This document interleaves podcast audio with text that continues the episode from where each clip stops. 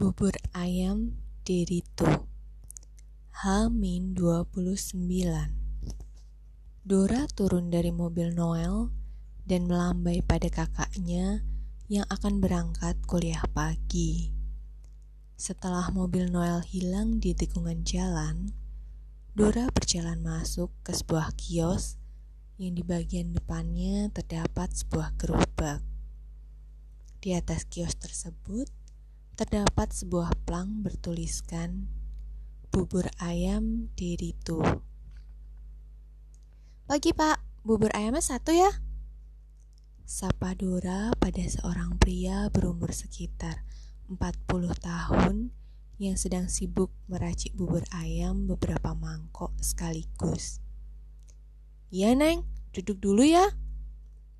Jawabnya lalu berpaling pada pemuda yang ada di sebelahnya.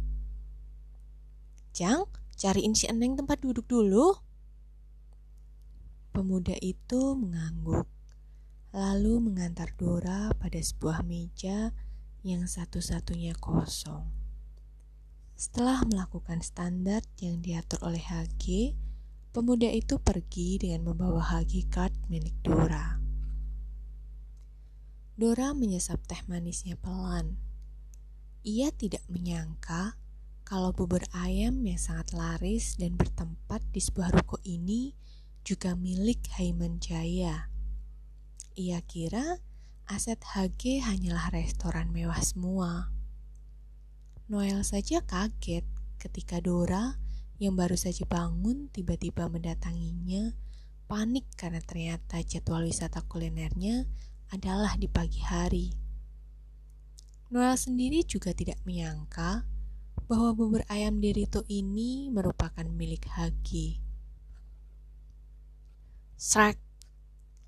Dora terkejut ketika mendengar suara kursi di hadapannya ditarik dan seseorang telah duduk di hadapannya. Neng, buburnya? Makasih, Pak. Sejenak, perhatian Dora teralih pada bubur ayamnya yang baru datang dan masih mengepul.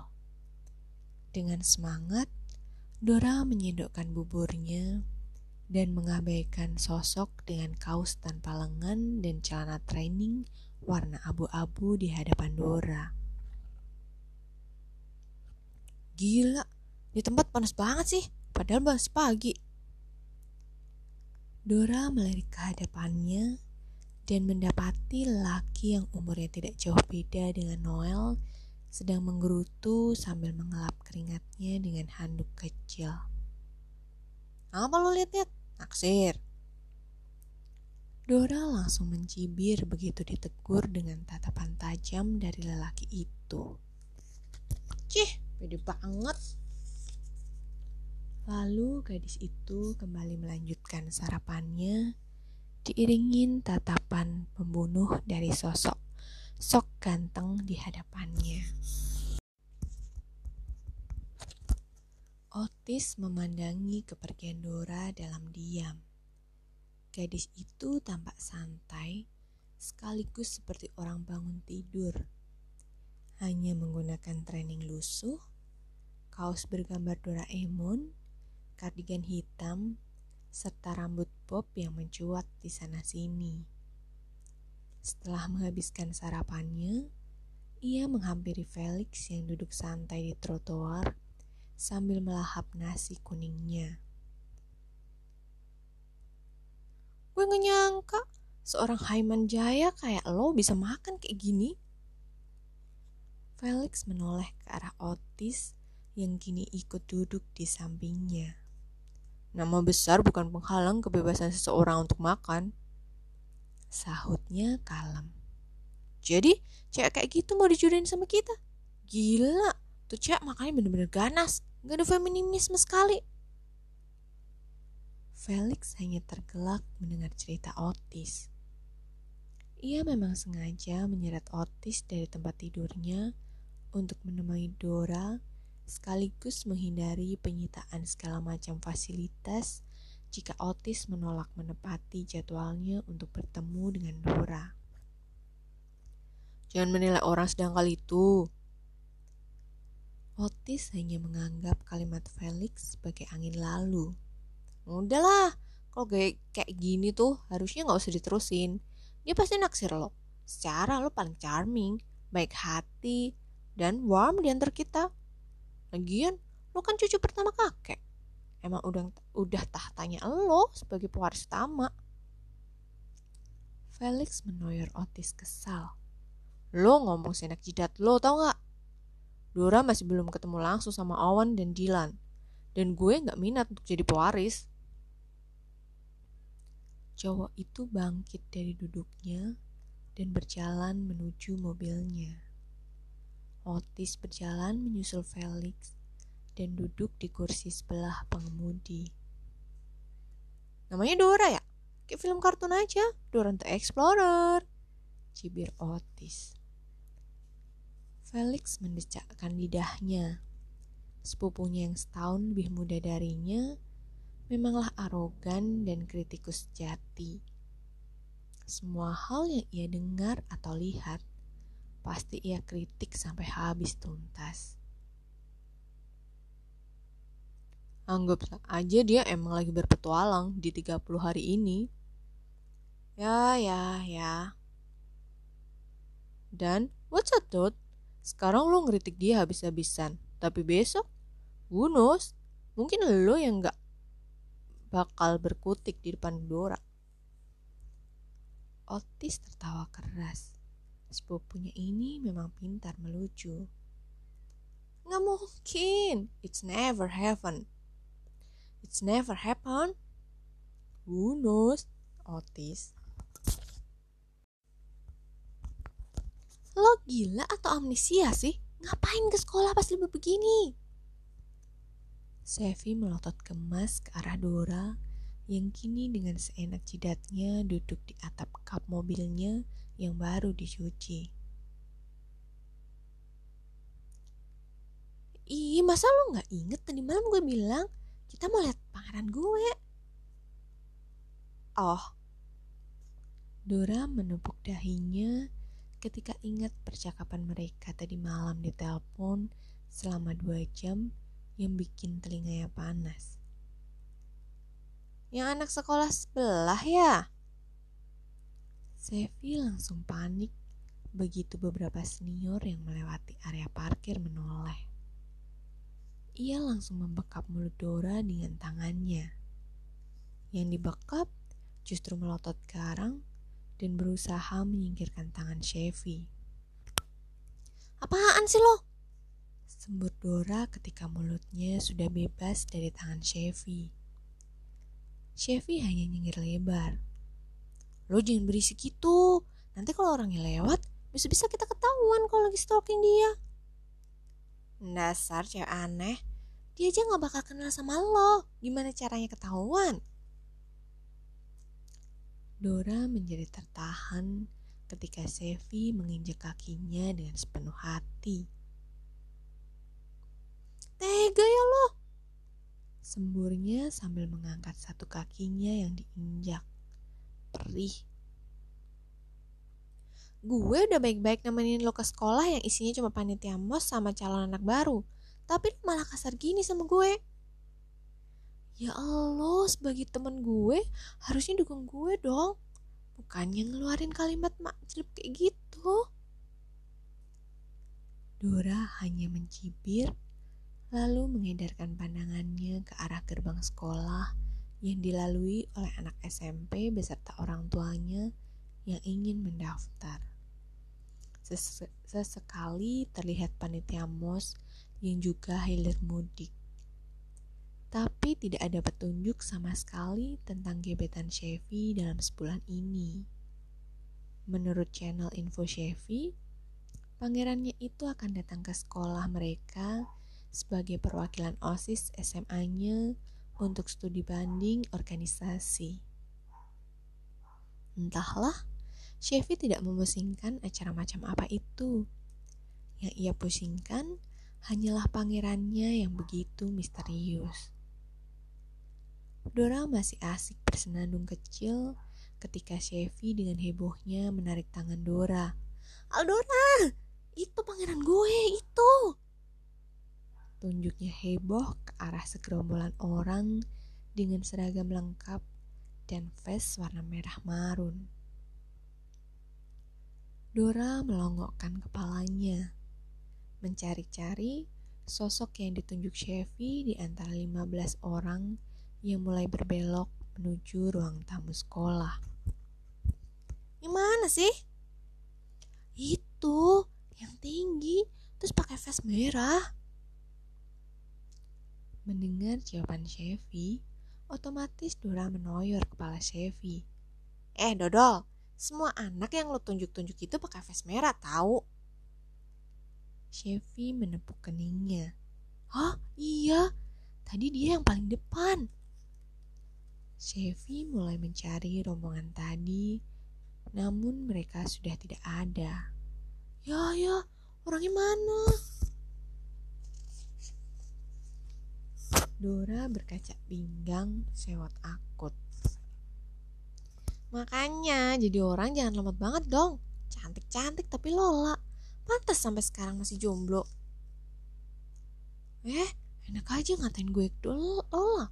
Gue jomblo bukan karena loading otak gue lama, tapi karena belum menemukan yang tepat. Allah, gengsi banget ngakuin diri sendiri Lola. Gebetan lo kayaknya udah ke ruang tamu nih. Lo tetap mau stalking dia selama dia studi banding? Chevy menggeleng. Enggak ah, ntar ketahuan. Jadi, lo nyeret gue dari rumah ninggalin Doraemon the movie cuma buat ngeliatin orang dari area parkir sekolah yang deket gerbang ini? Chevy mengangguk. Dora menggeleng frustasi. Apa semua cewek yang jatuh cinta bakal segila ini? Stalking si cowok habis-habisan, tapi ujung-ujungnya gak berani ngedeketin. Gila, kalau mayoritas cewek seperti dia, Dora sudah dipastikan masuk ke dalam golongan sebaliknya, golongan minoritas. Dora melahap cupcake-nya dengan ganas, tidak memberi kesempatan bagi matanya untuk mengagumi cupcake cantik yang pada bagian atasnya diberi hiasan yang unik tersebut. Chevy hanya melahap cupcake-nya pelan, menatap Dora sedikit ngeri walau ia sudah terbiasa. Sahabatnya itu memang mengerikan kalau sedang kesal, karena makannya jadi bertambah ganas. Cupcakes Garden saat itu cukup ramai Walau meja yang tersedia di taman yang merupakan area Cupcakes Garden masih banyak yang kosong. Ya, keunikan dari tempat yang menyediakan berbagai macam cupcake ini adalah seluruh meja untuk pelanggan berada di taman yang dilindungi rumah kaca dari luar serta sudah diteduhi pohon-pohon, sehingga panas matahari yang terik tidak menyiksa para pengunjung. Tidak heran kalau tempat ini sering jadi bahan feature majalah-majalah Indonesia. Santai aja kali makannya, gak ada anjing yang ngejar lo kok. Celetuk Chevy saat Dora bersiap melahap kaki keempatnya. Mas bodoh, yang penting gue makan gratis. Chevy meringis Sahabatnya masih ngambek karena diseret menjauh dari hadapan film favoritnya, walaupun sudah Chevy sogok dengan traktiran cupcake. Yo, jangan ngambek ya, Doraku sayang. Dora menghela nafas. Ia paling tidak tahan dengan rayakan Chevy. Iya, iya, sekali ini gue ampunin. Chevy hampir berteriak senang sebelum Dora menyela lagi. Tapi, kalau besok-besok lo ganggu acara nonton gue, nggak ada kata maaf, ampun, atau apa pun itulah. Yeay, berisik. Chevy tertawa senang. Dora memang selalu ngambek jika diganggu saat nonton kartun. Childish memang, tapi setidaknya ia punya sahabat yang benar-benar menerima dirinya apa adanya. bukan ada apanya. Eh iya, gimana kemarin pas ke rumah teh? Seru nggak sih ikut 30 Days for Finding Food itu? Lumayan lah, not bad lah. Jawab Dora singkat. Di kepalanya terputar kembali sebuah ingatan saat bertemu cowok bernama Felix. Chevy menatap Dora yang melamun dengan segurat senyum tipis di wajahnya. Hmm, kayaknya ada sesuatu nih. Dengan senyum sendu, akhirnya ia bercerita tentang Felix, tentang dirinya yang ikut menyanyi, dan tentang dia yang merindukan Ronald. Chevy menggenggam tangan Dora, mencoba memberi kekuatan. Ia tahu seberarti apa kenangan-kenangan sahabatnya dengan kekasihnya di rumah teh. Rumah teh merupakan salah satu tempat hangout mereka, tempat kencan Ronald dan Dora, dan tempat Chevy menjadi penonton duet paling indah Ronald dan Dora yang di yang ada di atas panggung. Bagi Chevy, Ronald juga sahabatnya, dan ia senang Ronald bisa bersama Dora. Walaupun pada akhirnya, semua yang cocok dan terlihat indah akan berpisah untuk selamanya. Terus, yang namanya Felix itu orangnya gimana? Dora mengedikkan bahunya. Kayaknya seumuran sama Kak Noel. Gue kirain anak band, gak taunya bukan. Main gitar sama nyanyinya keren loh. Hmm, ada kemungkinan jadi Mr. Right gak? Dora menggeleng. Kenal baru kemarin, masa iya mau jadi Mr. Right? Siapa tahu aja. Cocoknya dia tuh jadi abang gue, titik. Chevy hanya bisa mencibir mendengar nada final dari Dora. Masa iya kan Noel mau diduain? Eh, dikira kan Noel tuh pacar gue sampai bisa diduain. Chevy hanya mengibaskan tangannya pelan seolah omongan tidak bermutu tadi bisa menghilang begitu aja. Terus hari ini lo ditugasin makan di mana? Di bubur ayam Derito tadi pagi. Hah? Chevy melungu, membuat Dora tertawa. Serius loh? Emangnya itu punya Haiman juga? Serius lah, Dora menyuap cupcake-nya, lalu kembali menjawab. Gue juga tadinya gak nyangka.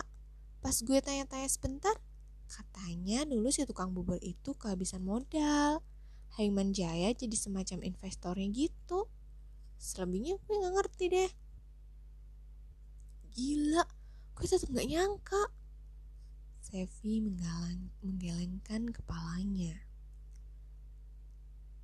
Terus hari ini lo ketemu Felix? Dahi Dora berkerut bingung. Ih, kok nyambungnya Felix sih? Ya, siapa tahu dia itu stalking, stalker lo. Atau pihak dari media massa yang lagi cerita, cari cerita tentang para peserta acara HG ini. Sejak kapan lo jadi tukang analisis begini? Dora terkekeh pelan. Gue gak ketemu Felix kok. Gue justru ketemu cowok sombong tukang kritik. Gerutu Dora pelan ketika teringat cowok yang duduk satu meja dengannya tadi pagi. Tukang kritik gimana? Iya gitu. Semua yang ada di sekitarnya dikritik. Kayak gak ada yang benar bagi dia. Kerjaannya ngedumel melulu. Akhirnya gue cepet-cepet aja makannya. Gak tahan telinga gue. Ada ya cowok kayak gitu. Tapi tampangnya gimana? Tanya Chevy antusias. Cakep sih, tapi tapi tukang kritik. Kalau gitu jahit aja mulutnya. Biar jadi cakep tapi nggak banyak omong. Ceplos Sevi yang membuat Dora tergelak. Sahabatnya ini memang suka asal bicara. Tapi memang cuma Chevy yang mengerti bagaimana cara untuk membuat dirinya bisa tertawa lepas dengan kalimat-kalimat konyolnya. Gimana? Udah ketemu sama cewek itu? Otis mengempaskan tubuhnya ke sofa, lalu mendengus malas. Udah, dan gue gak tertarik sama sekali. Jawab Otis. Dylan melepas vest merah marunnya dan membuka dua kancing teratas seragam sekolahnya. Jadi, lo nyuruh gue cepet pulang buat dengerin curhat lo? Sebuah bantal sofa langsung terlempar ke arah Dylan. Beruntung Dylan bisa menangkapnya. Sialan lo, gue kan cuma jawab pertanyaan lo doang gue nungguin lo pulang sekolah karena lo diajak makan malam sama nyokap di rumah. Sekalian gue jalan ke sini. Toh hari ini gue cuma ada satu kelas di kampus. Halah, biasanya juga lo bolos kelas. Cibit Dylan sembari ikut duduk di sofa dan mengganti channel TV yang ada di hadapan mereka. Lo kan rajin titip absen, Otis menoyor kepala Dilan. Gak usah bawa-bawa gue. Gue kan gak kayak lo. Libur sekolah gini malah masuk sekolah. Emangnya lo gak mau tahu gue ngapain ke sekolah? Emangnya gue peduli? Gue ke sekolahannya cewek yang tadi pagi breakfast bareng lo. Hah? Serius? Otis kini menoleh menatap Dylan tak percaya. Maksud lo Dora? Dylan mengangkat kedua bahunya tanpa menoleh ke arah Otis. Siapa lagi? Dia anak sekolah sebelah gue ternyata. Lo udah tahu tentang hal ini sejak lama? Enggak kok. Dylan menggeleng gue baru tahu tadi gue ngeliat dia dan gue tanya aja sama osis sekolah itu anak sih dia Dylan tertawa mendengar pertanyaan naif yang keluar dari mulut Otis. Otis langsung memasang muka kesal karena sepupu paling muda di antara mereka berempat ini justru menertawakannya. Kalau gue suka, gimana? Tanya Dylan. Kalau ditanya jangan balik tanya. Tukas Otis kesal. Lu sadar gak sih pas lu tanya ke gue, lu naksir dia. Lu seakan-akan kayak orang yang barangnya takut direbut orang lain. Gak rela.